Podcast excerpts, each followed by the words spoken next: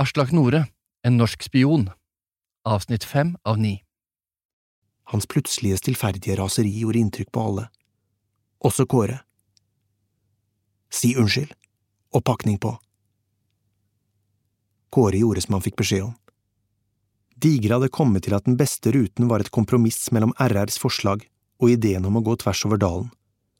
Han ville følge kanten, først hundre høydemeter ned, deretter i en hestesko rundt dalbunnen før vi skar opp i høyfjellet. Det var mye tyngre å gå nedover enn hjernen min hadde forberedt seg på, og jeg kjente at vekten av oppakningen umiddelbart begynte å presse på oversiden av kneleddet. For første gang begynte jeg å kjenne tilløp til utmattelse. Beina stivnet, og jeg sjanglet av mangel på dybdesyn. Jeg sa ingenting, og bet tennene sammen. Tanken på at vi var del av noe større, at vi kunne stoppe missilene, gjorde det lettere å fortsette. I en situasjon med 70 kilo på kroppen bruker du alle, absolutt alle muligheter til å lede tankene over på noe annet. Det ble noe bedre da vi kom ned i den frodige dalbunnen. Marsjen i denne delen av terrenget gikk gjennom tett småskog, åkerlapper, dyrket eller nysådd mark der det ble dyrket hvete og mais, poteter og gulrøtter. Månen var kommet opp nå, og avga et svakt og kjølig lys. Fjellene foran oss reiste seg mot oss, som et enormt alter, eller kirkeorgel med ornamenter. Stille som barn lister seg over knirkete gulv, gikk vi langs kanten av dalbunnen som skilte de lave trærne og buskene fra de karrige vollene og fjellene over oss. Hver gang vi knakk grener eller raslet i blader, frøs vi til, holdt ørene opp mot den lette vinden før vi fortsatte. Slapp av, hvisket Kåre bak meg. Vanskelig å slappe av med denne vekten på kroppen, stønnet jeg lavt. Et afghansk muldyr ville krepert med dette på ryggen. Mente det ikke sånn, smilte Kåre. Ikke noe å være redd for. Afghanere legger seg tidlig, vet du, og landsbyen er et stykke nede. Mer redd for bikkjer. Tar det fram med kniven, sa Kåre. Kåres humør hadde en god effekt på meg. Etter en halvtimes marsj på tvers av dalbunnen begynte motbakkene. Temperaturen hadde sunket, og vi dro på oss jakker og hansker. Da vi kom nærmere, kunne vi skimte noe som lignet et massivt gruvebrudd, der stiene gikk på kanten øverst, kanter som når som helst virket som de kunne rase ut. Da stien var i ferd med å helle bratt oppover, gjorde Digre tegn til et nytt stopp. Han forklarte at fra nå ville det bli tungt. Misunner deg barmarkstreninga fra hockeyen nå, ingen trener så hardt som hockeyspillere. Wessel og Svalastoga forstår ikke de nye tidene, hvisket Digre. På deres tid i Ramsund var det orienteringsløpere og skiløpere som dominerte, ikke hockeyspillere. Kåre dunket RR i ryggen. Glad vi har med deg og ikke noen streitinger fra fallskjermjegertroppen. Rena leir er full av wannabe-leger og NTNU-ingeniører. Like kreative som revisorer, like artige å ha med på tur som en gjeng mannlige IT-konsulenter. Får de ordre om å gå utenfor et stup, så gjør de det. Isen mellom Kåre og RR var tydeligvis brutt. Fallskjermjeger var en nedsettende betegnelse på FSK, Hærens spesialstyrker som marinejegere ofte brukte. Men kan dere ikke slutte å si at dere er verdens beste, fortsatte Kåre. Jeg mener, hvis Afghanistan er VM for spesialstyrker, har dere sittet hjemme de siste mesterskapene. Høhø, sa RR. Er det ikke vi som sier det, bare journalistgroupies. De tror vi får respekt for dem om de skriver det. Ja, hvem vil egentlig ligge med en groupie, sa Kåre. Hvordan er kreftene? hvisket Digre. Ingen av oss sa noe, men jeg tenkte at alle hadde det på samme måten. Vi var allerede på vei ned i kjelleren, og klatringen hadde ennå ikke begynt for alvor. Digre lyste oss i ansiktet med den dimmede lykten sin. Kåre smilte. Kåre er baksikrer. Oss andre. Nå er det på tide å finne fram Il Diavolo i hver og en av oss. El Diablo, sa jeg. Hva er forskjellen? hvisket Digre. Il Diavolo er italiensk, El Diablo er spansk. Italienerne er verdens dårligste soldater. Digre klappet meg på skulderen.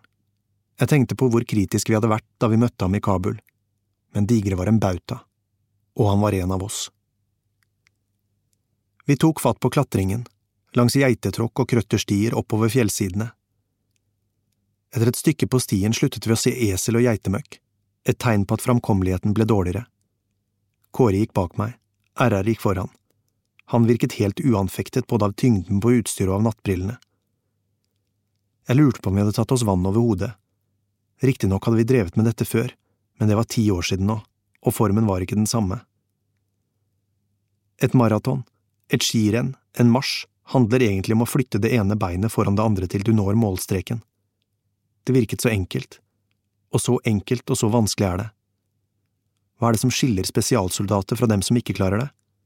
Det handler lite om fysiske forutsetninger, men mer om å forstå anstrengelsens egenart. Hvordan leve med den? Hvordan tvinge tankene over på noe annet? Det var sånn jeg hadde tenkt som marinejeger. Å lykkes der handler om at den indre flammen i deg brenner sterkere enn hos de andre. Det er det samme for alle vinnere. Milliardærer, gründere, kunstnere, politikere, idrettsfolk. Alle du har hørt om i slike yrker vil bli gode. Alle har lagt ned mer arbeid og trening enn gjennomsnittet. Men noen ønsker enda sterkere å lykkes enn de andre. Jeg husket en gang på slutten av en utmarsj på marinejegerkurset. Jeg var nede i kjelleren fysisk og psykisk. Kåre, som jeg bare kjente overfladisk på den tiden, gikk ved siden av meg. Vi var blitt stadig færre på kurset, de fleste hadde fått en eller annen mystisk skade som gjorde at de måtte kaste inn håndkle. Jeg visste ikke om jeg klarte mer. Kåre gikk ved siden av meg, han så hvor nedkjørt jeg var. Han sa, Du kan godt holde meg i hånden om du vil. Kanskje det var sånn vi ble venner. På vei opp kneiken i Konar hadde jeg noe av den samme følelsen som da jeg overvant utmarsjen i MJK, følelsen av å gå gjennom veggen. Etter noen hundre meter opp uren kom vi ut på et trangt fjellplatå. Det var gradvis blitt lysere, og det var ikke før jeg så snøfonnene som lå spredt utover landskapet at jeg skjønte hvorfor. Digre beordret teknisk hvil. Jeg så på klokken. Vi hadde gått vel fire timer. Under oss var dalen og elven synlige i måneskinnet. Det verket i bein og rygg. Jeg måtte stålsette meg for ikke å segne om over sekken. Det er høyden, sa Digre. Det er derfor det er så helvetes tungt. Jeg så på GPS-en. Altitude 2931 meters. Det er jo ikke så jævlig høyt, sa Kåre. Jo, med pakning er det høyt, innvendte RR. Veit vi egentlig om det er noen bra OP-steder der oppe? spurte Kåre videre. Hvis ikke lager vi den bra, sa Digre. Pakning på.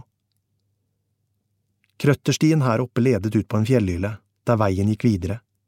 I utgangspunktet var den fin nok, én meter og to i bredden, men problemet var at den noen steder var isete og speilblank, og andre steder skjente faretruende bratt nedover, iallfall når vi bar så tungt som vi gjorde. Vi var kommet inn i en dyp ravine da Kåre plutselig mistet balansen. Med pakningen på var han fullstendig hjelpeløs og skled nedover den bratte skrenten mens han hylte så det lød et ekko i hele fjellheimen. Jeg gikk tre meter bak ham. Digre og RR snudde seg. Kåre brølte. Det var ropet til mann som vet at han skal dø. Men så stoppet han. Jeg ble stående helt forsteinet, som om den minste bevegelse ville løsne remmene. I måneskinnet så jeg at en av stroppene i sekken hans hadde festet seg i noen spisse steiner. Han lå klemt og klamret seg til berghyllen. Bak ham gikk det rett ned, hundrevis av meter. Jeg mister grepet, skrek han, sekken holder ikke! Vi andre kastet fra oss sekkene. Lynsnart slengte Digre ut et tau han hadde i stridsvesten. RR og jeg holdt i tauet sammen med ham. Det var jævlig tungt. Med den ene hånden klarte Kåre å surre tauet rundt håndleddet. Han dro seg sakte opp, satte albuene i bakken og trakk mens vi lente hele tyngden vår bakover. Etter et par minutter var han oppe, og slengte seg ned på marken mens vi lot tauet falle. Jeg tror faen meg jeg trenger en sigg, sa Kåre. Luksusartikler var på ingen måte en del av utstyret, og det var selvfølgelig strengt forbudt i forhold til lysdisiplinen. Men da Kåre fisket opp en Malbro, hadde ingen hjerte til å stoppe ham. Så gikk vi videre. Fordi frykt trumfer alle andre følelser, enset jeg ikke lenger utmattelsen. Men da vi kom inn i sikrere terreng noen timer senere, kom den tilbake. Jeg var på bristepunktet av egen yteevne. For hvert eneste skritt jeg tok, kjente jeg smerten i musklene. Dessuten hadde jeg pådratt meg symptomer som lignet høydesyke.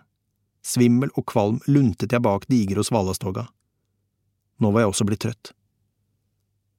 Landskapet hadde flatet ut, det var bart og goldt med hvitflekkede snøfonner på alle kanter. Vi måtte nærme oss. Det ga ny energi. Ser dere der? Vi hadde gått enda en halvtime da Digre hvisket og pekte på noe som lignet konturene av en fjellhylle. Han må ha forstått hvem som hadde mest å gi, for han vendte seg mot Kåre.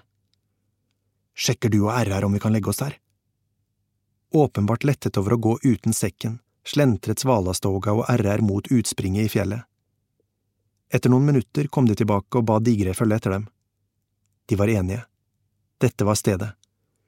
Vi etablerer oss her, hvisket Digre. Ennå var det mørkt, men om ikke lenge vil den første solen lyse opp fjellene i øst.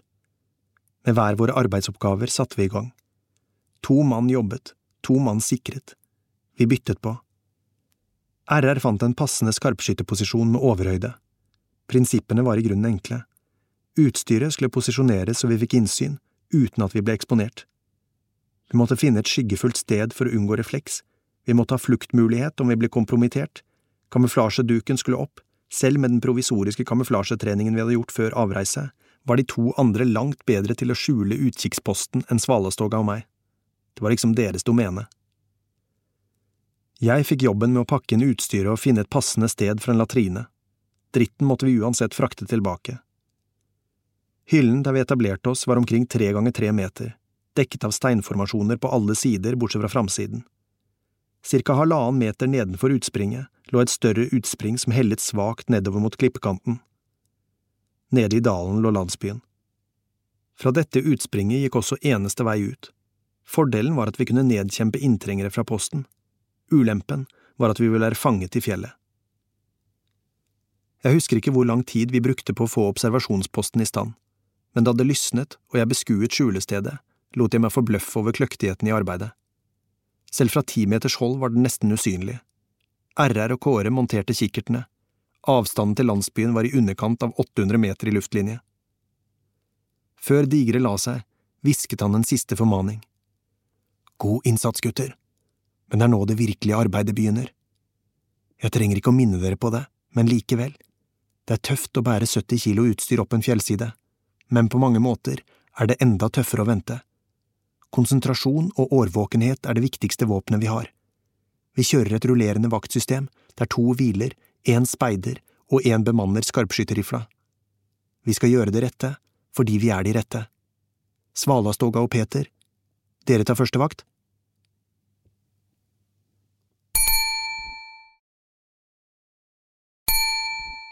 Det var nettopp det admiralen sa da han rekrutterte meg. Du skal gjøre det rette, fordi du er den rette. Jeg hadde alltid tenkt mye på det. Jeg visste at tiden i OP-en ville bli langtekkelig, og at man for å fylle tiden var overlatt til sine egne tanker. Vi lever på minner, vår skjønnmaling av fortiden er det som holder oss oppe.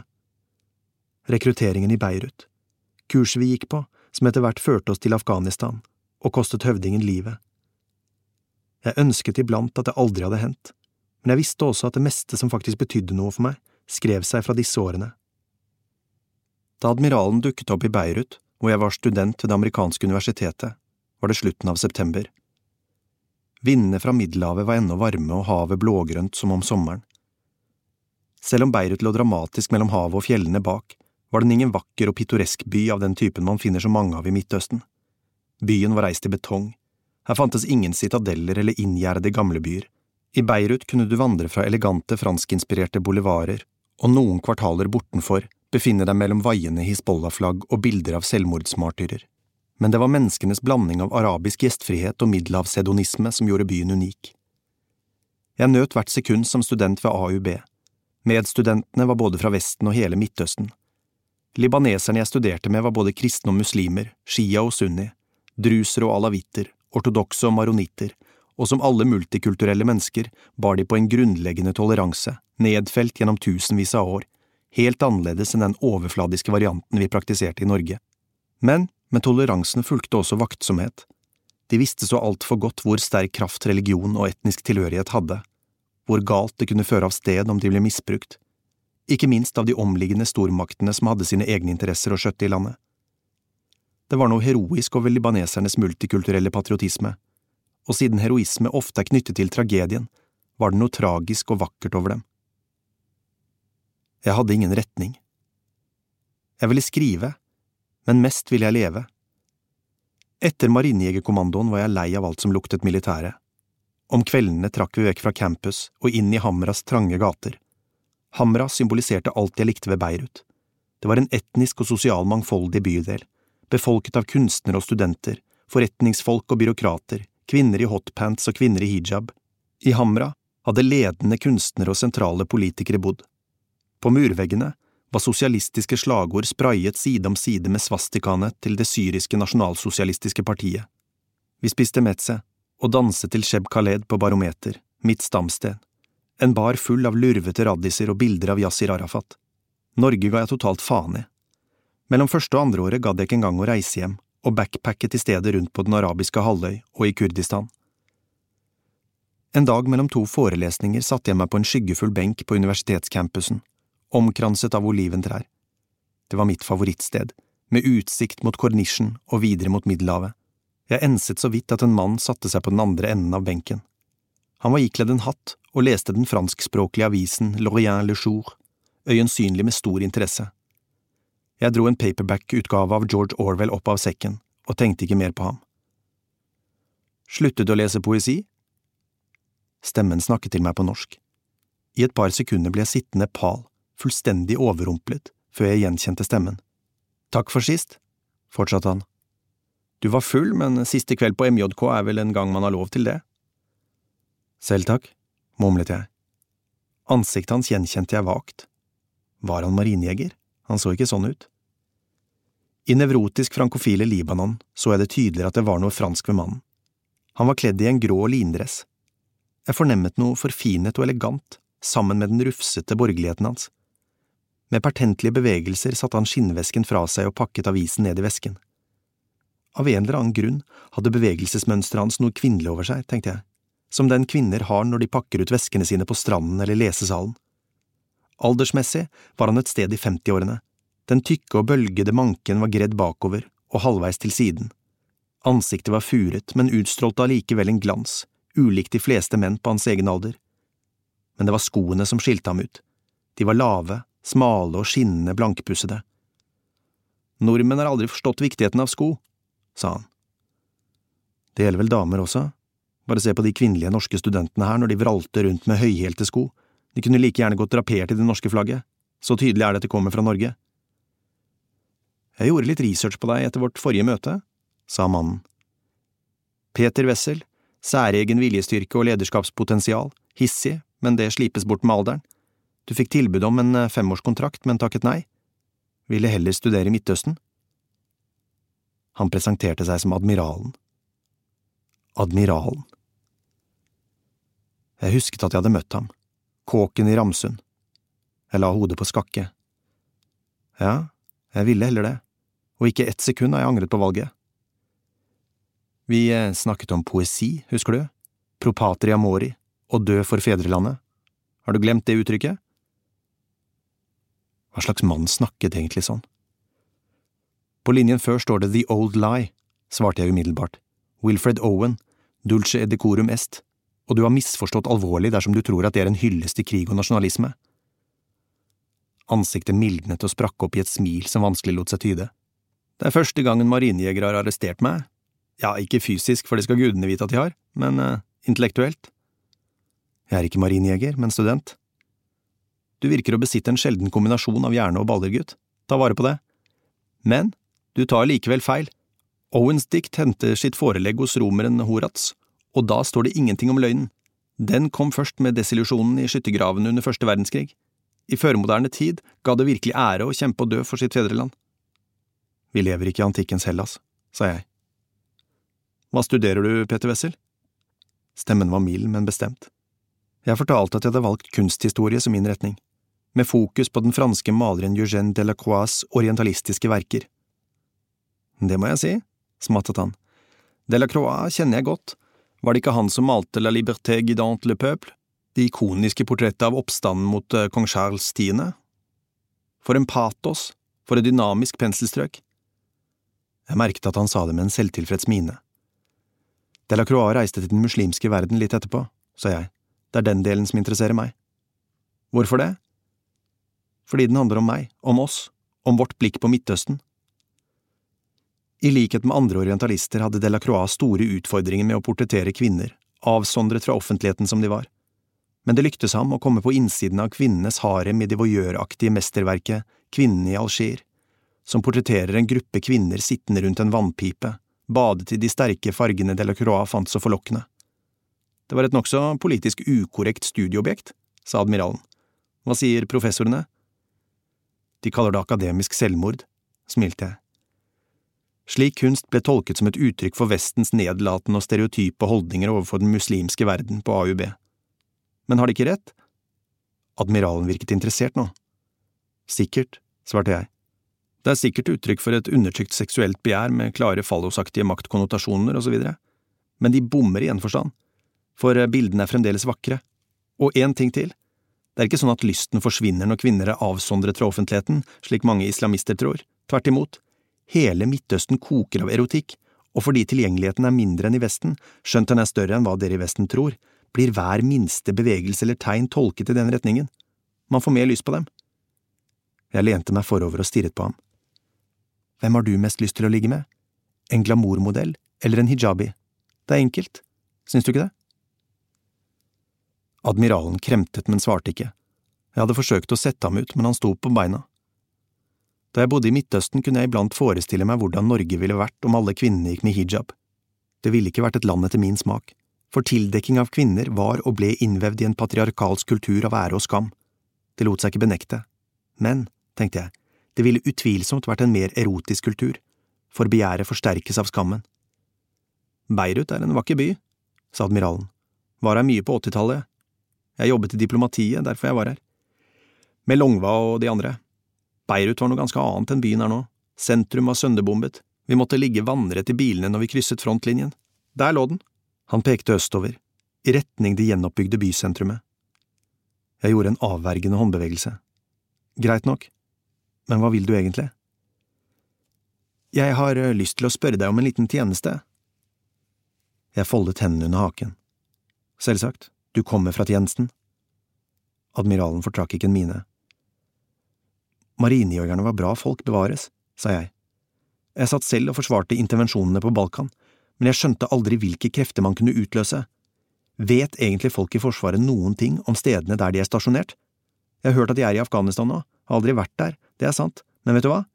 Jeg har sett litt av sinnet som er mot Vesten i Midtøsten, og vet du hva, jeg forstår dem. Og krigen i Irak, kan det bli verre? Er det dit du vil ha meg med? Du eh, skriver, svarte admiralen rolig. Eller drømmer om å skrive? Jeg trakk på skuldrene. Et vindpust strøk meg i ansiktet. Saken er, fortsatte admiralen, at jeg skal i en middag i morgen, korrespondenter, et par New York Times-folk, Odd Karsten Tveit, Bob Fisk. Robert Fisk, tenkte jeg. Det var stort. Han var en helt. En av de største krigskorrespondentene i moderne tid. Jeg hadde slukt bøkene og artiklene hans om Libanon og Midtøsten. Tenkte du kanskje ville være med, få noen kontakter, kanskje snuse på noen jobber sånn ved siden av studiene? Jeg visste jeg ikke kunne stå imot, selv om jeg selvsagt forsto at admiralen ville forsøke å male meg inn i et hjørne, og jeg ville bli lurt. Hva hadde skjedd? Det var noe med admiralen som tiltalte meg. Jeg forsto det allerede da, han så noe i meg, som ingen andre gjorde. Middagen var god, den, selv om korrespondentene behandlet meg lett overbærende, og det nærmet seg midnatt da admiralen gjorde tegn til meg om å bryte opp. Vi klatret de bratte gatene opp mot Hamra. Noen eldre menn røkte nargile. Oppkledde par vandret hånd i hånd, noen studenter hang utenfor krepp- og shawarmasjappene på Ryblis. Libanon, sa admiralen. Tenk deg, Peter, at du var her i 1975. Folk har levd side om side i relativ fred. Så begynner borgerkrigen. Folk tror det vil være over på et par uker. Og det varer i 15 år. Hvorfor klarer ingen å forutse dette? Fordi det er umulig å forutse framtiden, sa jeg. Spørsmålet vi må stille oss er likevel, nå er tjenesten hjemme i ferd med å tilpasse seg den nye verden. Nå er det fokus på arabisk språk og politisk islam, men hva kommer etter? Men én ting må jeg nesten spørre om, sa jeg. Hvordan har det egentlig vært å vite at så mye av livet ditt er hemmelig, at du er en eneste stor løgn? For første gang rykket admiralen til av noe jeg sa. Vil du vite det? Forklaringen er enkel. For meg er ikke løgnen og hemmelighetene noe som kom i yrket, jeg har alltid løyet. Vet du hvor jeg tjenestegjorde i mine yngre dager? Først som befal i Marinejegerkommandoen, blant landets tøffeste machomenn, siden i alle mulige deler av tjenesten. Og vet du hva løgnen var, Peter? Noe som hadde holdt meg våken om netten helt siden jeg var liten, noe som bygde seg opp, som en kansersvulst du ikke kan fjerne. Jeg er homo, Peter. Det var min hemmelighet. Jeg visste ikke hva jeg skulle si. Tror du det er tilfeldig at så mange homser har gjort karriere i E-organisasjoner? Det tror ikke jeg. Skaphomser er de beste spionene, sa admiralen. Føler meg ikke helt klar akkurat, sa jeg. Fra et rekrutteringsmessig ståsted er jeg bekymret for at de homofile i Norge får det for lett, sa admiralen. Det kreves ikke lenger løgner for å skjule at du er homofil. Kanskje vi må lete andre steder? Blant de minoritetshomofile, homofile muslimer, homofile fra de kristne områdene i Afrika. De har det tøft. Du vil ha en løgner? Nei, svarte admiralen. Jeg er ikke ute etter løgnere, men folk som har levd med hemmeligheter så lenge at de forstår hvor viktig sannheten er. Du må kjenne hemmelighetenes styrke. Han stoppet opp og så på meg. Jeg har en liten jobb til deg, Peter. Helt frivillig, selvsagt. Jeg svarte ikke. De bleke funkismurbygningene så truende og forlatte ut i mørket. Det finnes en norsk-libaneser her i Beirut, kom til Norge rundt 1990, kunst- og teppehandler, kjenner alle, vestlige expats, Hizbollah, iranere. Jeg vil at du skal intervjue ham. Jeg vil at dere skal bli kjent. Du skal uh, snakke med ham om kunst. Hvem er det? Han heter uh, Mustafa Hachem.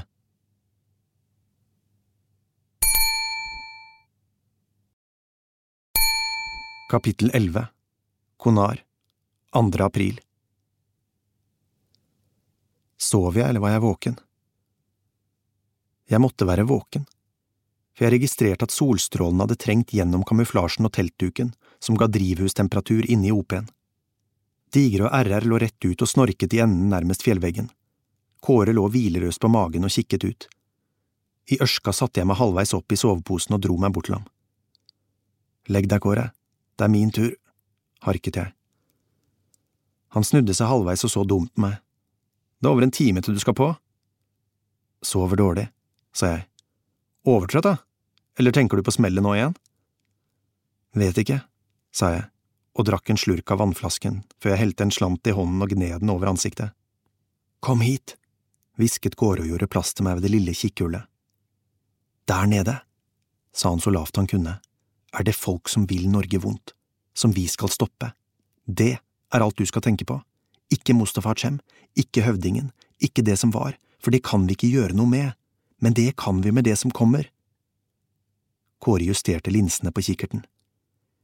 Jeg har gjort mange ting jeg angrer på, Peter. Da jeg gikk på en kristen internatskole, skulle det bli orden på meg.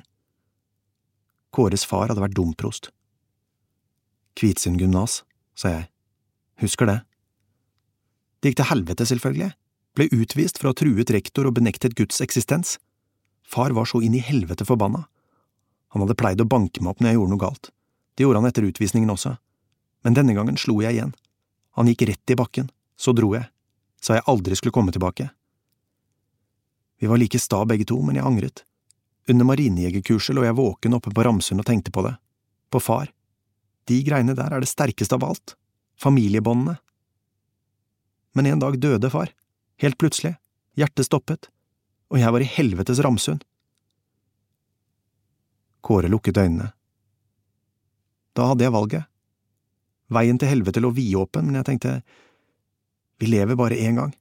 En feil fra fortiden skal ikke skygge over resten av livet. Han dultet borti meg. Forstår du? Du må gi faen i de greiene der. Jeg har sagt det til deg før, men nå mener jeg det for alvor. Du kan ikke la det som var ødelegge for det som kommer. Sov nå, Peter. Han klappet meg på hodet. Du trenger det. Jeg tar første timen av vakten din. Kåre hadde rett, og jeg misunte ham den usentimentale holdningen. Jeg krøp tilbake til soveposen min og lukket øynene hardt. Med fysisk utmattelse var verden som Kåre skisserte. Da kunne man med riktig holdning overbevise kroppen om at den tok feil. Men jeg var ikke sikker på om hodet fungerte på samme måte. Arealet i OP målte tre ganger fire meter. Ytterst mot utkikksposten ned til dalen var kamonettet så lavt at man måtte ligge.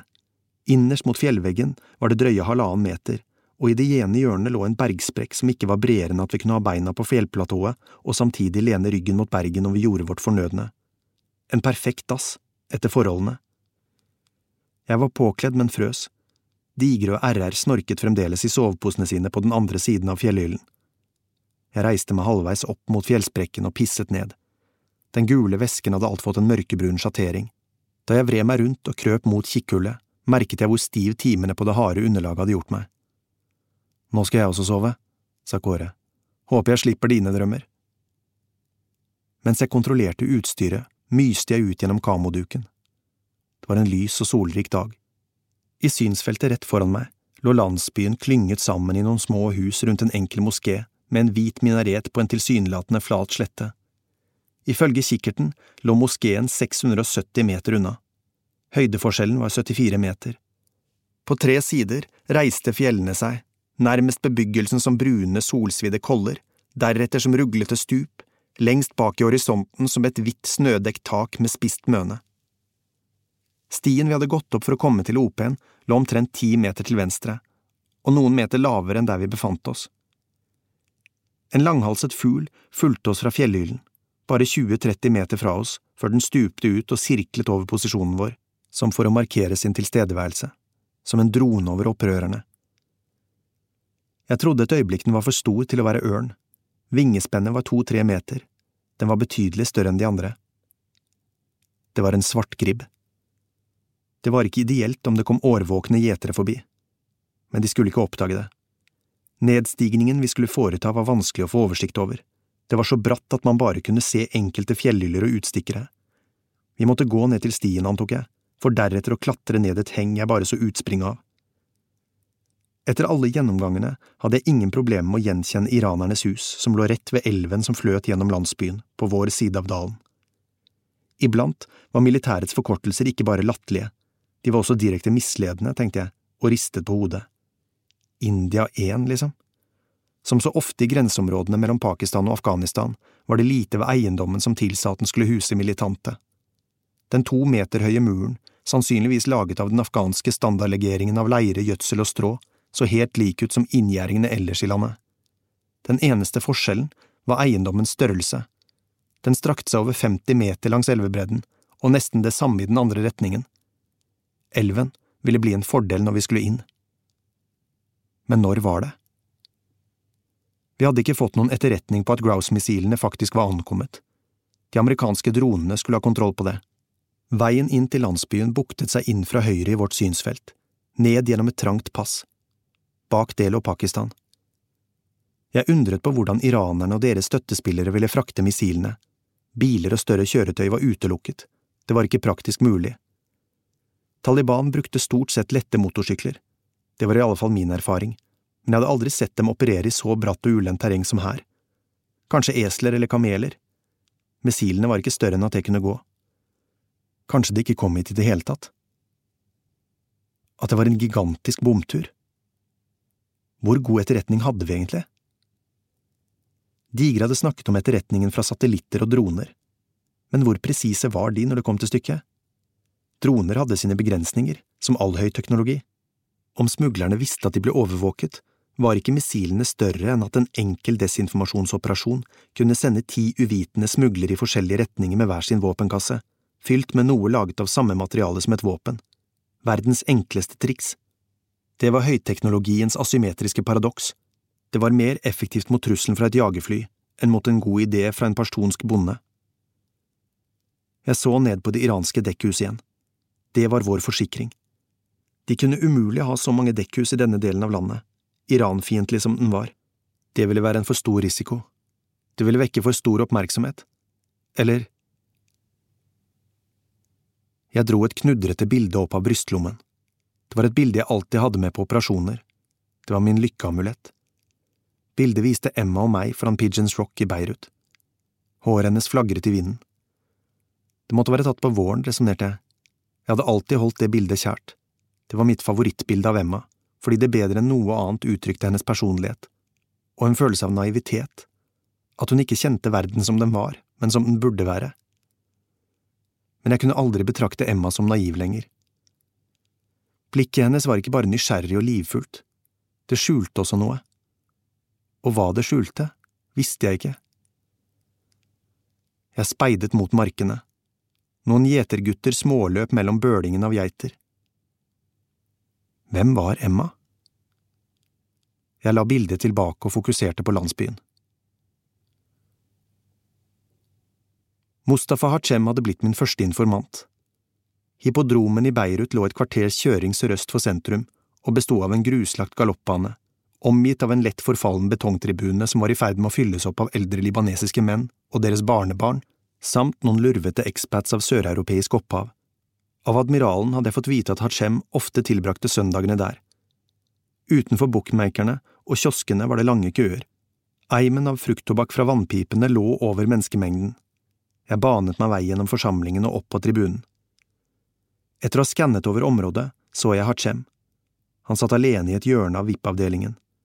Hachem var født i 1965, men foruten det nyklipte grå håret rundt ørene så han faktisk yngre ut enn sine 41 år, motsatt de aller fleste middelaldrende menn i Midtøsten. Det var blitt pause, og Hachem gikk mot bookmakerkiosken. Dette var første gang jeg skulle rekruttere en kilde. Admiralen hadde fortalt meg hvordan jeg skulle gå fram, tvinga ham til å ta initiativet. Jeg visste hvordan jeg skulle opptre, og det roet meg ned. Likevel var ikke nervøsiteten til å unngå. Én ting var teori, noe annet var praksis. En gjeng gamle herrer hadde tatt oppstilling rundt kiosken. Jeg unnskyldte meg på min beste arabisk og banet meg vei fram til disken slik at jeg nådde fram samtidig som Hachem.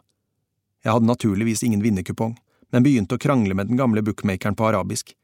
Han ristet på hodet. Faen, sa jeg høyt på norsk. Faen! Jeg merket at Hachem snudde seg mot meg. Jeg lot som jeg ikke merket det, men snudde meg liksom tilfeldig mot ham og sa på arabisk. Min venn, min arabisk er dessverre ikke perfekt, kunne du hjelpe… Hachem så på meg. Din arabisk er glimrende, svarte han på norsk. Bedre enn min norsk, i hvert fall. Han sluker agnet, tenkte jeg tilfreds. Jeg så på ham. Snakker du norsk? Flyttet tilbake hit for fire år siden, sa libaneseren. Køen bak oss ble lengre, og de gamle mennene begynte å mumle surt seg imellom. Skal vi stikke opp på vippen? Jeg har fast plass. Samtalen som fulgte ble akkurat slik admiralen og jeg hadde planlagt. Hachem spurte hva jeg drev med i Beirut, og jeg fortalte om studiene mine. Han snakket om Norge som han savnet på den måten alle innvandrere gjør, som vender tilbake til opprinnelseslandet, med lengsel etter ren natur, velholdte veier og sosial sikkerhet. Min jobb var å lytte. Hva jobber du med nå? spurte jeg etter en stund. Jeg kjøper og selger kunst, svarte Hachem. Har et eh, galleri i Oslo, men det er ikke så ofte jeg er der. Her i Beirut, da, har du noe her? Ja, jeg driver rett i Beirut. Mye reising. Jeg er rundt i hele regionen, egentlig, unntatt Iran. Hvorfor ikke Iran? spurte jeg. Det er en lang historie, sa Hachem, men det handler om at jeg ble uvenner med feil folk i Sør-Libanon og måtte flykte. Du har eh, gjort det godt, sa jeg. Hachem så på meg med et intenst, nesten vilt blikk. Jeg har jobbet hardt for deg, min venn. Veldig, veldig hardt arbeid. Dagens siste galoppheat var i ferd med å krysse målstreken. Rundt oss hadde folk reist seg og skrek mens de hyttet med nevene. Du, jeg må nesten gå nå, sa jeg. Det var en annen av admiralens maksimer, vær alltid den som bryter opp. Hachem rotet i innerlommen. Ta dette kortet, sa han, og kom innom galleriet mitt i Manara. Min første rekrutteringsjobb ble en suksess. Hachem var den fødte gallerist og kurator. Han lot andre skinne, mens han selv beveget seg smidig i bakgrunnen. Håret hans var alltid gråsvart og finkjemmet, dressene hans var diskré. Det var detaljene, mansjettknapper, lommetørklær og snitt som skilte ham fra resten. Alle var innom galleriet hans, libanesiske fotomodeller, berømte arkitekter, Hizbollah-politikere. En dag jeg satt på bakrommet i galleriet hans og tok en øl, kom vi inn på kunst. Med studentens entusiasme la jeg ut om de orientalistiske malernes beskrivelser av kvinner i hammam, renselsesritualet som har så dype røtter i Midtøsten, da Hachem avbrøt meg. Selv om dine kunnskaper om 1800-tallskunsten er imponerende, skal du vite én ting. Orientalistisk kunst handler ikke om Midtøsten slik det er eller var. Jeg visste ikke helt hva jeg skulle si. Jeg hadde identifisert meg så sterkt med de engelske og franske eventyrerne som følte at verden åpnet seg for dem idet de trådte over terskelen til en ny og spennende kultur. Hva mener du?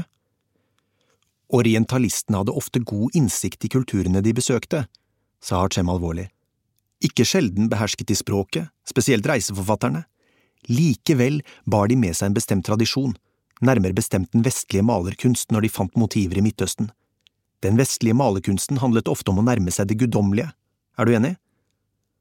For så vidt. Her skiller den kristne og islamske tradisjonen lag. I den kristne kulturkrets kan det guddommelige gripes gjennom det visuelle, Moses og Gud i Det sixtinske kapell, for eksempel.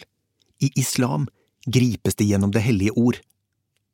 Han reiste seg. Bli med her. Han førte meg inn i et av de mindre utstillingsrommene. På veggene hang flere malerier med kalligrafiske trykk. Dette hadde selvsagt også vært pensum i kunsthistorie ved AUB, men det hadde aldri interessert meg noe særlig. Kalligrafi, pekte han. Kunsten å utsmykke og ornamentere en tekst. Essensen i islamsk kunst finnes her, og ikke i orientalistenes haremfantasier. Vi burde reise sammen i Midtøsten, sa jeg. Ja, Hvorfor ikke? Hachem trakk på skuldrene. Men det får bli når det blir. Jeg vil at du skal møte en norsk venn av meg, en som virkelig kjenner Midtøsten. Han kalles bare Malik her nede. Vet du hva det betyr? Men det kan vel bety flere ting, sa jeg. Høvding, blant annet. Men jeg tenkte ikke mer på Maliken med det første, for det var på denne tiden jeg fikk en melding fra Emma. Jeg hadde møtt henne sommeren etter at jeg hadde dimittert fra Marinejegerkommandoen, like før jeg skulle begynne studiene i Beirut. Noe hadde ligget i luften. Det hadde jeg sverget på, men vi hadde ikke hatt annet enn sporadisk kontakt siden.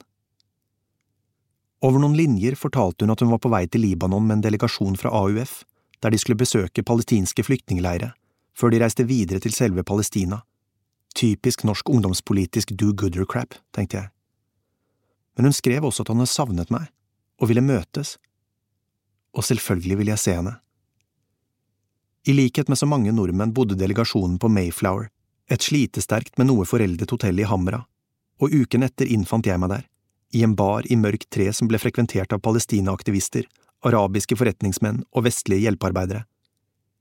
Emma satt ved bardisken da jeg kom inn, vinglasset hennes var halvfullt. De mørke korketrekkerne hang ned til midten av ryggen. Jeg prikket henne på skulderen. Peter Wessel Zapfe, blunket Emma det var noe i øynene hennes jeg ikke fikk helt tak på. Hei, Peter! Peter Wessel Tordenskjold, smilte jeg, heller ham. Hvorfor det? lo Emma. Fordi Tordenskjold var den første norske etterretningsmannen. En gang kledde han seg ut som fisker for å få rede på hva svenskene ville. En annen gang ropte han Kjære bror for å forvirre dem. Han var en norsk spion. En norsk spion, sa Emma drømmende. Zapfe var filosof og forfatter. Jeg tror jeg vet hvem jeg foretrekker. Velkommen til Libanon, sa jeg og håpet at hun ikke merket hvor nervøs jeg var. Jeg betraktet ansiktet hennes, som fremdeles hadde ungpikens valpete og runde kjaker, bare brutt opp av smilehullene over munnviken. Jeg måtte si noe smart, utstråle at jeg hadde situasjonen noenlunde under kontroll, vise at det var hun som hadde oppsøkt mitt territorium. Hadde det ikke vært for fjellrevensekken her, kunne du blitt tatt for å være libaneser, prøvde jeg meg. Hun lo. Vi er alle semitter, vet du. Flørter du? lurte jeg. Både måten hun kastet på hodet mens hun lo, og utringningen i den lette blusen tydet på det.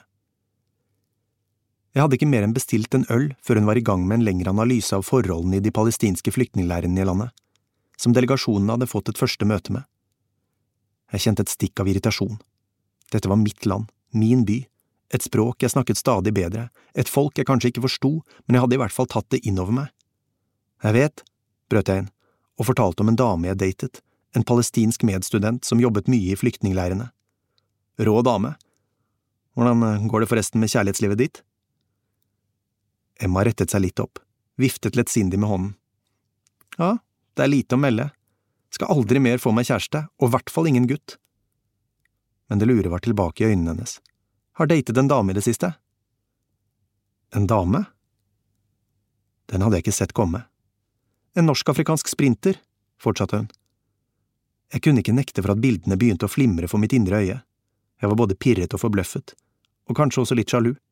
Men kanskje var Emmas beveggrunner for dette eventyret de samme som mine var, for å være sammen med min palestinske kjæreste, og kan hende lå det en taus erkjennelse av håpløsheten i begge våre krumspring som knyttet oss nærmere sammen, for vi brast ut i latter samtidig, høyt og befriende lo vi, så de andre i baren skulte mot oss gjennom lagene av sigarettrøyk som syntes ekstra godt i solstrålene. Deretter skålte vi, og jeg la en seddel på disken og førte Emma ut i ettermiddagssolen. Beirut var alltid vakrest på den tiden av døgnet. Vi gikk rolig nedover de bratte gatene mot amerikanske universitetet, forbi bokhandler og kreperier, og da vi gikk slik og jeg så Beirut sammen med Emma, forsto jeg hvor norsk jeg var, at nærheten jeg kjente til Emma var grunnleggende annerledes enn til noen kvinner her nede, og faen heller, at jeg fremdeles var håpløst forelsket i henne. Jeg kunne tenke meg å studere her, sa Emma da vi hadde gått rundt på campusområdet og satt på en benk med utsikt til havet over strandpromenaden. Det er liksom noe helt nytt. Er det ikke rart å tenke på at vi bare er en halv dags kjøretur fra Tel Aviv, i teorien, sa jeg. Og likevel er det så langt, ikke bare mentalt, men også praktisk, man må jo kjøre om Syria og Jordan for å komme dit. Det er vel mest tragisk, svarte Emma. Jeg har aldri vært i Israel, har du? Jeg ristet på hodet.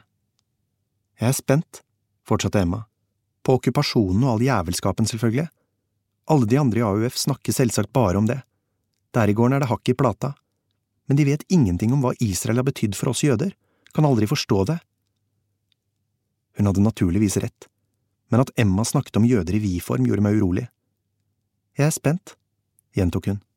I det siste har jeg snakket med unge israelere jeg møtte på en kongress i vår. Israelere som er sionister, men også tilhengere av en fredsavtale. Hun gjorde en pause. Så var det som om hun tok sats. Vil du reise til Israel sammen med meg? Når da? lo jeg usikkert. Neste uke, etter det offisielle programmet på Vestbredden, jeg skal til Tel Aviv. Hun satte blikket i meg. Ville ikke det være fantastisk? Jo, tenkte jeg. Det ville det vært. Emma, jeg har dame, jeg kan ikke… Jeg er også dame. Ansiktet var helt åpent, og øynene blanke av følelser jeg både ble himmelfallen og satt ut av at hun viste. Jeg trodde ikke du skulle være så feig, Peter. Det krympet seg i meg. Det er ikke sikkert du får så mange flere sjanser, sa Emma. Så kysset hun meg på kinnet og gikk. Jeg klarte ikke å si noe for å stanse henne.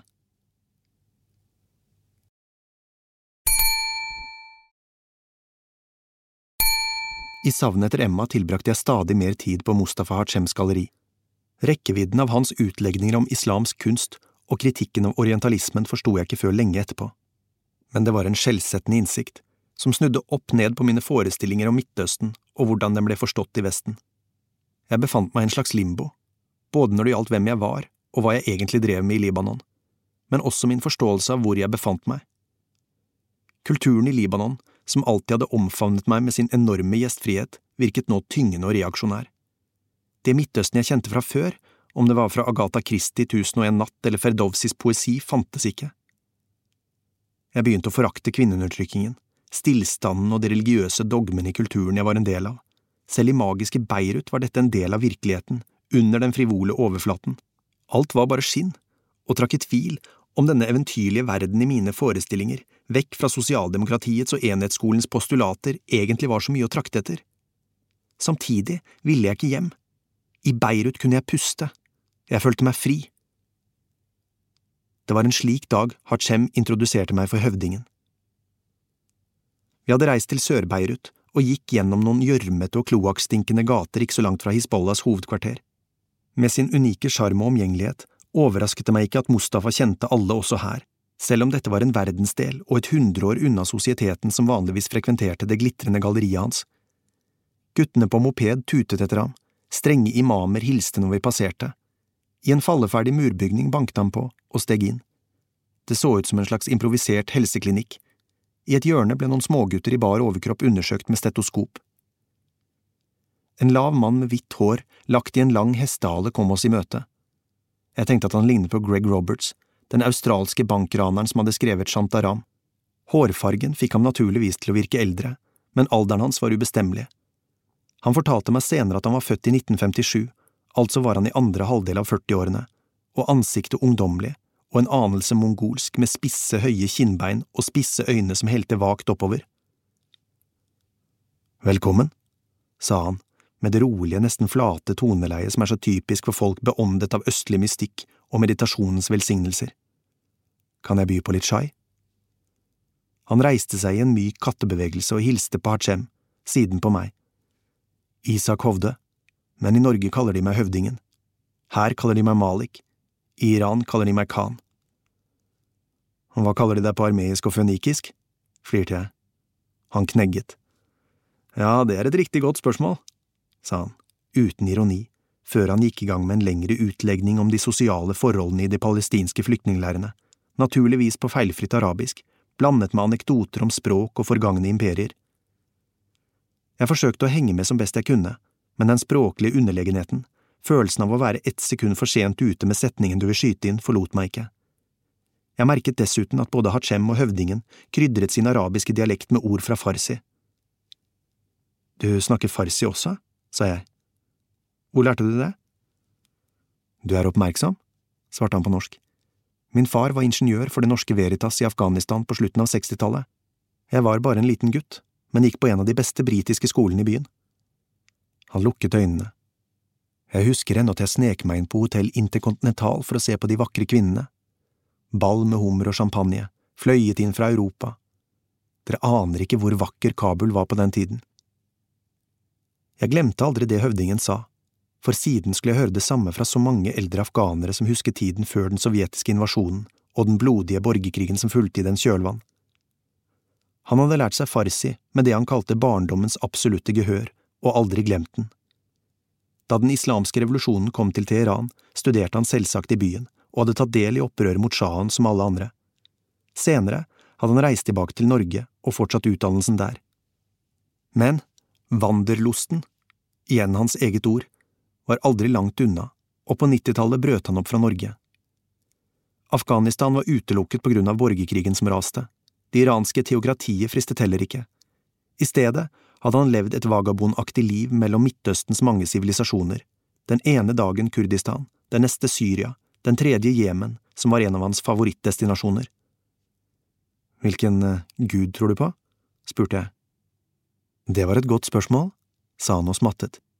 Jeg tar det beste fra dem alle, med hovedfokus på sufi-islam og kurdisk jezedi, med visse innslag av det beste fra marxismens historiske materialisme. Han knegget for seg selv. I islamsk lære finnes det en tredje dimensjon som ofte kommer i skyggen av trosbekjennelsen og selve troen, iman, men som er like viktig, ishan, å gjøre det vakre. Han løftet de åpne håndflatene mot taket. Ishan er noe annet, av natur mer komplekst enn de to første, så ofte oversett i moderne islamsk teologi, og spesielt i alskens islamistiske retninger. Er du ikke enig, Mustafa? Hachem nikket.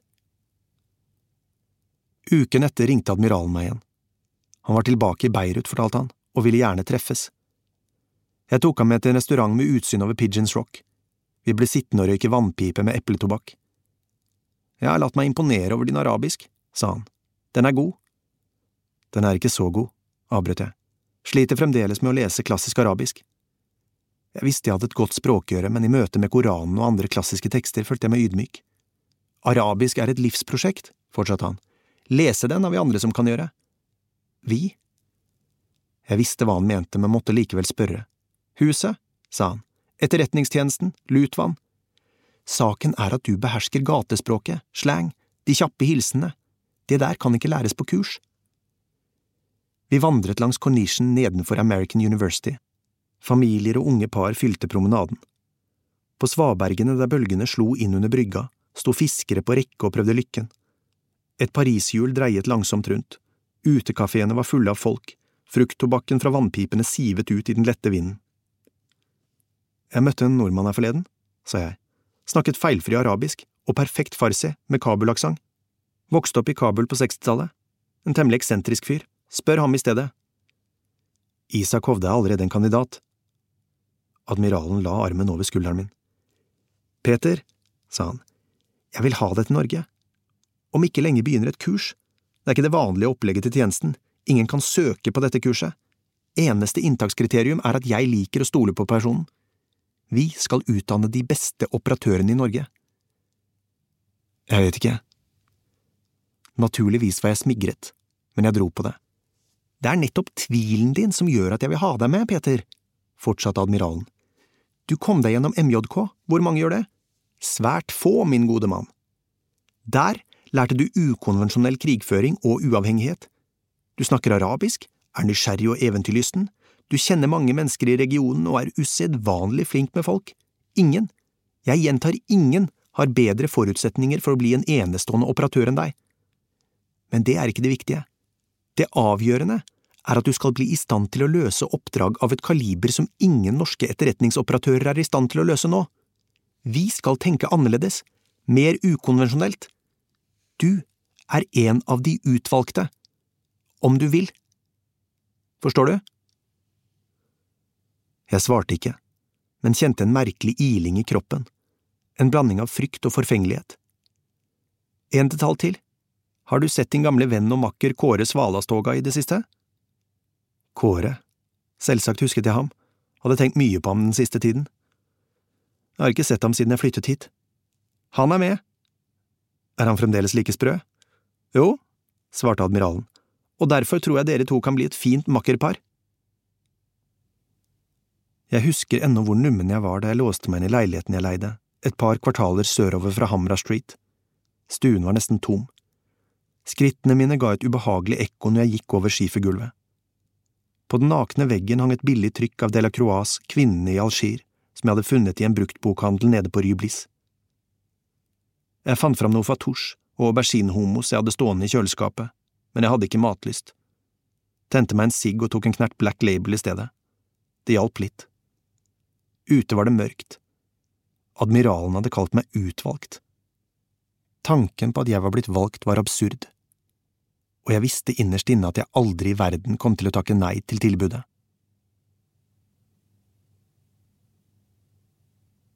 Kapittel 12 Konar 3. april Jeg hadde fått lus.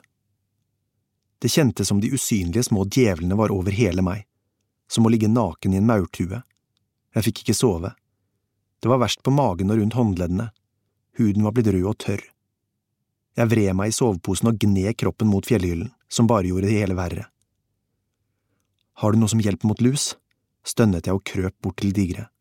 Han hadde vakt og lå på magen og stirret inn i kikkerten. Når vi snakket til hverandre, merket vi hverandres motbydelige ånde. Våpnene er meldt ved grensen, hvisket Digre lavt. Hvis etterretningen til Scheuer er riktig, kan de være her like etter solnedgang. Det blir verre, utslettene blir større, hveste jeg, høyere denne gang, rekker vi å iverksette før soloppgang i morgen? Kommer han på, sa han, vi tar en beslutning på det så fort våpnene er lastet av. Han slengte en hydrokortisonkrem over til meg, som jeg smurte tjukt rundt magen og håndledd. Hvorfor tok vi egentlig malariamedisin? spurte jeg Digre. Tok du den? Herregud! Trønderen smilte skjevt. Tror du det er malariamygg her oppe? Jeg tilbød meg å overta vakten, mest for å trekke inn frisk luft gjennom den lille luken der kikkerten sto. Kåre snorket i sitt hjørne. Bare nesen stakk opp av soveposen. RR sov også. Han lå halvveis på siden inn mot fjellveggen. Varmen fra solen blandet seg med svette og kroppslukt, nesten som lukten fra et kadaver i tropene. Men den døde, tunge luften var verre enn stanken. Uten å gjøre brå bevegelser forsøkte jeg å åle meg ned til kanten av teltduken, der en svak bris strømmet inn. Peter, ikke det. Ligg stille, kommanderte Digre. Han lå så tett ved meg at jeg kunne kjenne pusten hans. Hvor mange er det egentlig som vet at vi er her? spurte jeg. Jeg mener, hvor mange er det som vet at vi er på oppdrag? Godt spørsmål, svarte han, så lavt at stemmen nesten ikke bar. Admiralen, selvfølgelig, forsvarssjefen, etterretningsråden, forsvars- og utenriksministeren, antar jeg, om han bryr seg. Hva med ambassadør Berg? lurte jeg. Etter møtet på ambassaden hadde jeg tenkt mye på ham. Han må være i Afghanistan av en grunn. Han vet det nok, svarte han. Ambassadør Berg vet alt. Bak den joviale fasaden er han hensynsløs. Har du hørt historien om da han og admiralen rottet seg sammen for å få igjennom endringene i tjenesten og huset på Lutvann? Det var ikke pent, kan jeg fortelle deg. Berg er ekstremt god på å sette folk opp mot hverandre. Han har lært av Trond Johansen, sitt gamle forbilde. Metoden er, holde seg inne med noen utvalgte politikere og noen enda mer utvalgte pressefolk. Politikerne, som tilhører Arbeiderpartiet, får følelsen av å fremdeles bli hørt av de hemmelige tjenestene. Pressefolkene får ikke nevne navnet hans, men får lekkasjer når det trengs. De føler seg viktige. Samtidig holder Berg fullstendig kjeft når det gjelder viktige ting. Var Berg i tjenesten? utbrøt jeg forbløffet. Å ja, han var. Før han skjønte at det var mer å hente i Utenriksdepartementet. På nittitallet var det der det skjedde. Så ambassadøren og admiralen kjenner hverandre godt fra før? Om de gjør, svarte Digre og måtte undertrykke hvor engasjert han var. De går langt tilbake. Det var admiralen som fikk Berg inn i de riktige kretser i de hemmelige tjenestene. Husk at på den tiden, vi skriver 70–80-tallet, var tjenesten og gamle Pott fullstendig dominert av kalde krigere. Som politisk sto noe til høyre for eh, hunderen Attila. Ørnulf Tofte og hans likesinnede.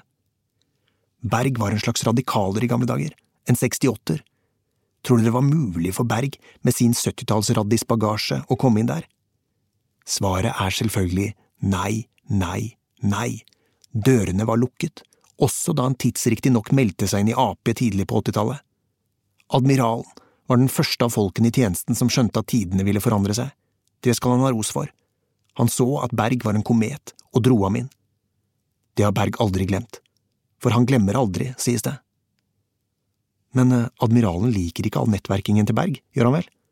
Ambassadøren er jo kompis med oljefolk og shippingmagnater, det er ikke admiralens stil. Det er en del av jobben.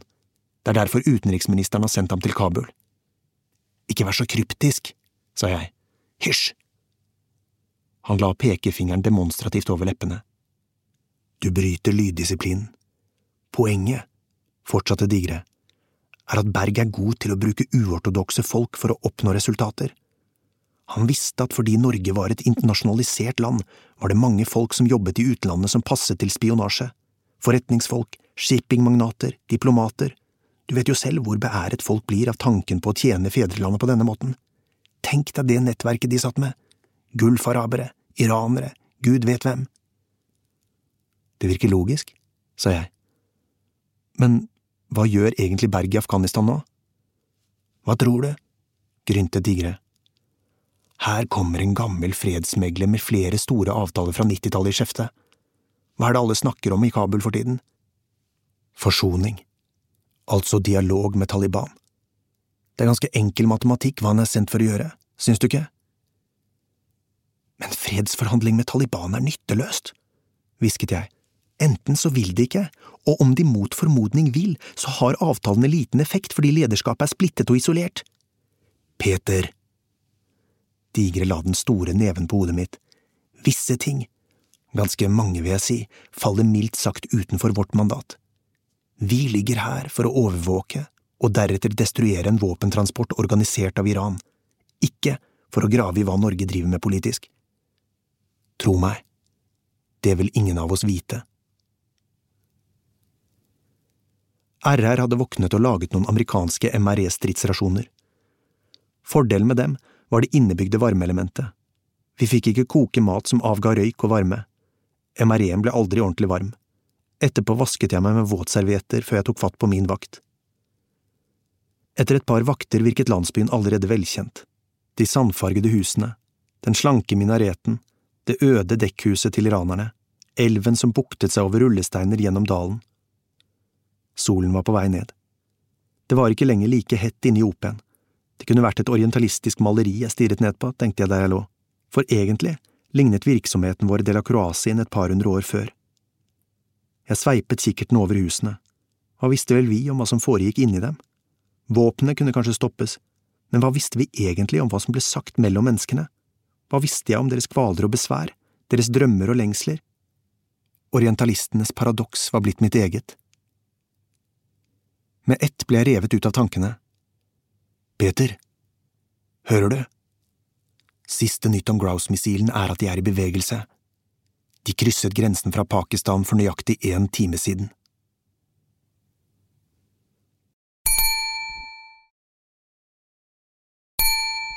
Det var typisk admiralen å arrangere kurset sitt i en nedslitt bygård på Oslos østkant. Jeg hilste kort da jeg kom inn i rommet. Fra admiralen var det ikke så mye som en bevegelse i ansiktet som tilsa at vi noen gang hadde møttes. De blå øynene med de små pupillene ringet inn av tette, diagonale rynker og de mørke posene under, stirret uttrykksløst og fraværende på oss. Han satt i framoverlent positur, med armene i kors over bordet. Usikkert så jeg rundt meg, uten å møte de andres blikk. Kåre satt lengst bak, med armene bak hodet mens han smilte og vugget med hodet da han så meg. På plassen ved siden av meg satt Ivana. Førsteinntrykket var skremmende. Hun gransket meg gjennomgripende før hun vaiet lett på hodet og så bort. Til sist, da jeg var overbevist om at vi bare var tre, åpnet døren seg igjen. Høvdingen hadde tatt skjegget og klippet håret. På utsiden så han ut som en norsk byråkrat og ingen vagabond da han gikk inn. Han gikk opp til admiralen og håndhilste, deretter på meg, Ivana og til sist Kåre, som ga meg en bjørneklem. Kolleger, sa admiralen endelig, foran hver av dere ligger en konvolutt, innholdet i den vil dere snart få vite mer om. Noen av dere kjenner hverandre, andre er nye, men dere er altså her fordi dere er blitt valgt ut og har takket ja til å delta i Prosjekt Fredsstuene. Utdanningen vil ta et sted mellom ett og halvannet år. 360 dager i året, 24 timer i døgnet. Dere har alle betydelig erfaring fra arbeid i utlandet på ulikt vis. Han kremtet. Hos oss vil dere få den beste utdanningen som er gitt til folk i norsk etterretningstjeneste. Vi skal bygge videre på kompetansen som finnes her, samtidig som vi tenker nytt. Dere vil lære hele etterretningshåndverket fra grunnen av. Dere vil lære all verdens håndvåpen å kjenne. Dere vil hoppe i fallskjerm ut i svarte natten. Dere skal lære å forfølge andre og unngå forfølgelse selv. Dere vil kjenne all verdens teknikker for avlytting, bestikkelser og manipulasjon, men… Han gjorde en liten pause. Slike ferdigheter er det flere enn dere som behersker. Den gode operatør behersker slikt, akkurat som den gode kubistiske maler også kan male figurativt. Skal dere bli enestående, kreves også noe mer. Dere må forstå motstanderen, hans språk, hans kroppsspråk, hvordan han tenker. Min påstand er at dette ikke erverves gjennom tradisjonell etterretningsmetodikk. Kjennskap til samfunnsliv og fremmede språk er selvsagt avgjørende, og etter hvert vil dere spesialisere dere innenfor én region. Men min oppfatning er at den virkelige etterretningsforståelsen kommer gjennom kunsten, fordi stor kunst er en speiling av livet selv. Han reiste seg og pekte på oss i en teatralsk gest. Et helt sentralt poeng for meg handler om å bygge karakter hos dere som operatører. Det betyr at for å gjøre det rette, må dere være den rette. Vi skal aldri, absolutt aldri, senke oss ned på vår motstanders nivå for å oppnå kortsiktige gevinster. Vår tankemåte går tilbake til Platon. Det kalles dydsetikk. Og vi er dydsetikere fordi det er i vår egen interesse å være det. En moderne krig utkjempes i et mediesamfunn der symbolsaker er avgjørende. Derfor må en god operatør forstå politikk, fordi våre handlinger kan ha direkte politisk relevans. Han la hånden over hjertet. Husk å bruke hjertet. Dere skal være de rette. Vi utvekslet blikk. Admiralen førte blikket rundt i rommet. Før dere åpner konvolutten, vil jeg at dere skal huske én ting. Dere skal aldri, absolutt aldri si hvor dere jobber. Fra nå heter det Kontoret, eventuelt Huset. Ny retorisk pause. Og nå kan dere åpne konvolutten. Konvolutten inneholdt en melding om å innfinne seg i Gardermoens avgangshall samme ettermiddag, med streng beskjed om ikke å åpne neste brev før vi befant oss der. Da jeg kom dit, åpnet jeg den neste. Der ble det fortalt at en fremmed eldre mann befant seg i business-loungen. Oppdraget var å få ham i tale. Dessuten inneholdt konvolutten 10 000 kroner i kontanter. Men hvordan komme inn? Noen år tidligere hadde jeg arbeidet som koffertstuer på flyplassen en sommer, og jeg visste hvilken inngang de ansatte ved flyplassen benyttet. Den lå i kjellergangene under. Det første jeg gjorde var å kjøpe en mørk dress i en av flyplassens butikker, og en synlig hvit propp fra telebutikken. Mitt eget antrekk låste jeg inn.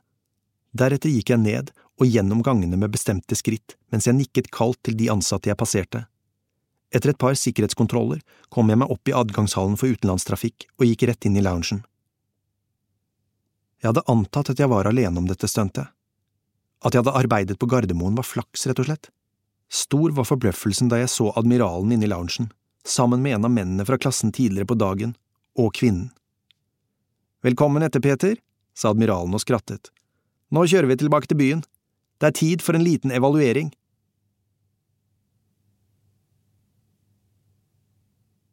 Evalueringsmøtet ble holdt i et lite rom på Akershus festning. Admiralen reiste seg og sa. Altså, en liten oppvarmingsøvelse i dag for å teste kreativiteten, noe dere har løst på svært ulike måter, vi kan jo begynne med deg, Svalastoga. Kåre fortalte energisk om hvordan han hadde sneket seg inn mens vaktene så bort et uoppmerksomt øyeblikk. Så greide jeg ut om min egen underjordiske ferd utkledt som sikkerhetsmann på høyt nivå. Endelig åpnet admiralen munnen. Mine herrer, begynte han. Ja, det er nettopp det dere har vist dere som, mye mot og gjennomføringsvilje. Det er bra. Men dere har utsatt dere for stor og unødig fare. Tror dere dette i fullt alvor er den beste måten å komme dere inn på? Vel, da skal jeg fortelle hvordan den raskeste av dere løste oppdraget. Eller hva, Ivana?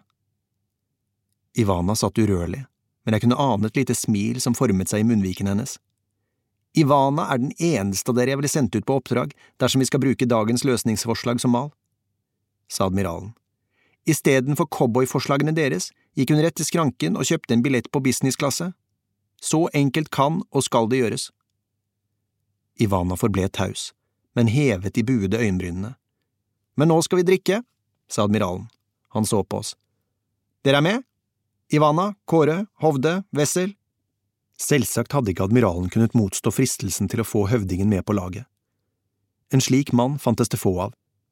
Men det som virkelig imponerte meg med ham denne første dagen, var hvor normal han også kunne fremstå. Eksentrisk ville han alltid være, det kom i drypp, fortellingen om Gori-dynastiet eller en dervish han var blitt venner med i Tabriz, men han skjønte at dette kurset krevde noe annet. Vi begynte kvelden rolig, men det utartet raskt. Admiralen kjøpte en whisky til hver halvliter, mens han snakket i vei om kunst og litteratur. Ivana var vennlig og sympatisk, men vanskelig å komme inn på. Jeg skylder Norge mye, sa hun, og måten hun sa det på innbøyket til videre samtale. Jeg kjøpte en ny runde, vi skålte for vår lille gjeng. Jeg har ikke sett på CV-ene deres, betrodde admiralen oss. Hadde jeg gjort det, ville dere sikkert røket rett ut. Dere har ikke gjort annet enn å krangle med overordnede og bryte tjenesteinstruksen. Opptaket her er basert på magefølelse, og bare det. Da vi sjanglet ut fra det siste skjenkestedet i tolvtiden, kommanderte admiralen oss ned til Akershus festning. Vi trodde først det var en slags dårlig spøk, men han virket langt mer edru enn oss andre, selv om han beviselig hadde drukket brennevinet han kjøpte. Det fulgte jeg med på. I et rom langt under festningen begynte han å spørre oss ut om stedene vi hadde vært og folkene vi hadde sett. Ingen av oss husket stort der vi satt søvndrukne i sterk spritrus. Ja da, jeg forstår at dere lurer på hvorfor jeg ikke er fullere, og ja, det er ikke bare fordi vårt motto er at vi både skal jobbe og spille hardt. Før vi møttes, spiste jeg store mengder salt mat, jeg har drukket flere liter vann underveis, og jeg har drukket tran for å isolere alkoholen i magesekken. Det er noe vi ofte gjør når vi jobber i Øst-Europa. Det ble raskt tydelig at admiralen hadde valgt oss ut på grunn av et sett utfyllende egenskaper. Kåre Svalastoga var ikke bare en villmann og en trikster, han var også svært teknisk anlagt. Mye raskere enn meg lærte han seg kunsten å håndtere eksplosiver, kjøretøy og sambandsreparasjoner. Dessuten drev han med mixed martial arts. Høvdingen sa egentlig seg selv, så lenge sikkerhetsklareringen gikk i orden, for hvilken nordmann kunne egentlig skryte av å være oppvokst i Kabul og snakke flere farsi-dialekter? Men det var Ivana som fascinerte meg aller mest. Kan hende skyldtes det hennes naturlige tilbakeholdenhet, som alltid gir folk en aura av gåtefull mystikk. Dessuten var hun den mest intelligente personen jeg noensinne hadde truffet. Å befinne seg på skolebenken sammen med henne var skremmende, fordi hun plukket opp lærdommene så raskt. Hodet hennes var som et elektromagnetisk felt som dirret av energi. Ivana var språkekspert, i tillegg til norsk, engelsk og serbokroatisk snakket hun latinske språk, farsi og grunnleggende arabisk. Mine egne fortrinn var derimot ikke like tydelige. Ofte slet jeg med selvtilliten under kursets første måneder, ikke fordi jeg var dårlig, men fordi jeg ikke var eksepsjonell. Derfor tvang jeg meg til å jobbe hardere enn jeg noensinne hadde gjort. I tillegg til å holde min arabisk ved like, leste jeg persisk farsi og slektningen Dari som ble snakket i Afghanistan. Mye av treningen dreide seg om ukonvensjonell krigføring, og vi skjøt med våpen jeg ikke kjente fra MJK. Vi skulle også velge tjenestevåpen. Kåre valgte en USP 9, jeg valgte Beretta 72. Foruten dette sto grunnleggende sivile etterretningsferdigheter på programmet. Vi lærte å skygge andre og unngå å bli skygget selv. Vi kjørte biler og hoppet i fallskjerm, lærte kommunikasjon og sanitet, rekruttering og kildepleie. Vi trente spaning med politiet, gisselaksjoner med beredskapstroppen og diplomati med aspirantkurset. En gang i uken måtte vi holde foredrag om et gitt politisk emne, og like ofte måtte vi tolke et kunstverk. Vi memorerte kart og gater i verdens storbyer til vi følte vi hadde vært der selv. Det eneste som plaget meg, var hvor tett forholdet mellom Kåre og høvdingen var i ferd med å bli. Kåre hadde vært min makker, og jeg hadde alltid vært tiltrukket av energien hans. Men jeg begynte å merke at Kåre stadig oftere henvendte seg til høvdingen når han skulle hviske subversive betraktninger om enfoldige politimenn eller arrogante diplomater. Vi gled litt fra hverandre, men jeg tenkte at det var normalt, det var bare slikt som skjedde. Hvis det var én ting admiralen brydde seg lite om, var det norsk arbeidsmiljølovgivning. Våre motstandere følger den ikke, understreket han alltid. Derfor kan heller ikke vi gjøre det.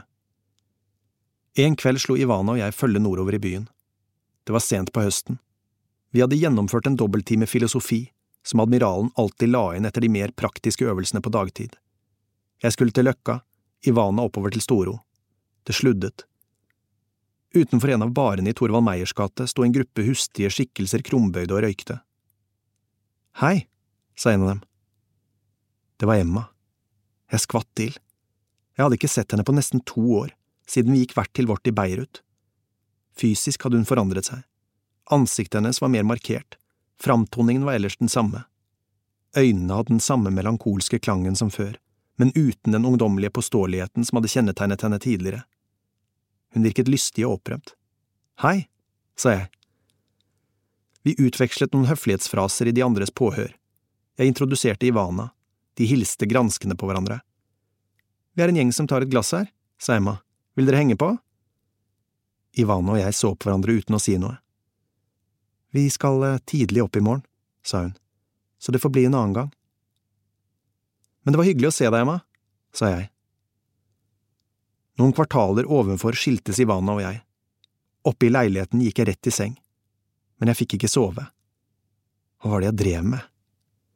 Jeg satte meg opp, skrudde på lyset, kledde på meg og gikk ut for å finne Emma.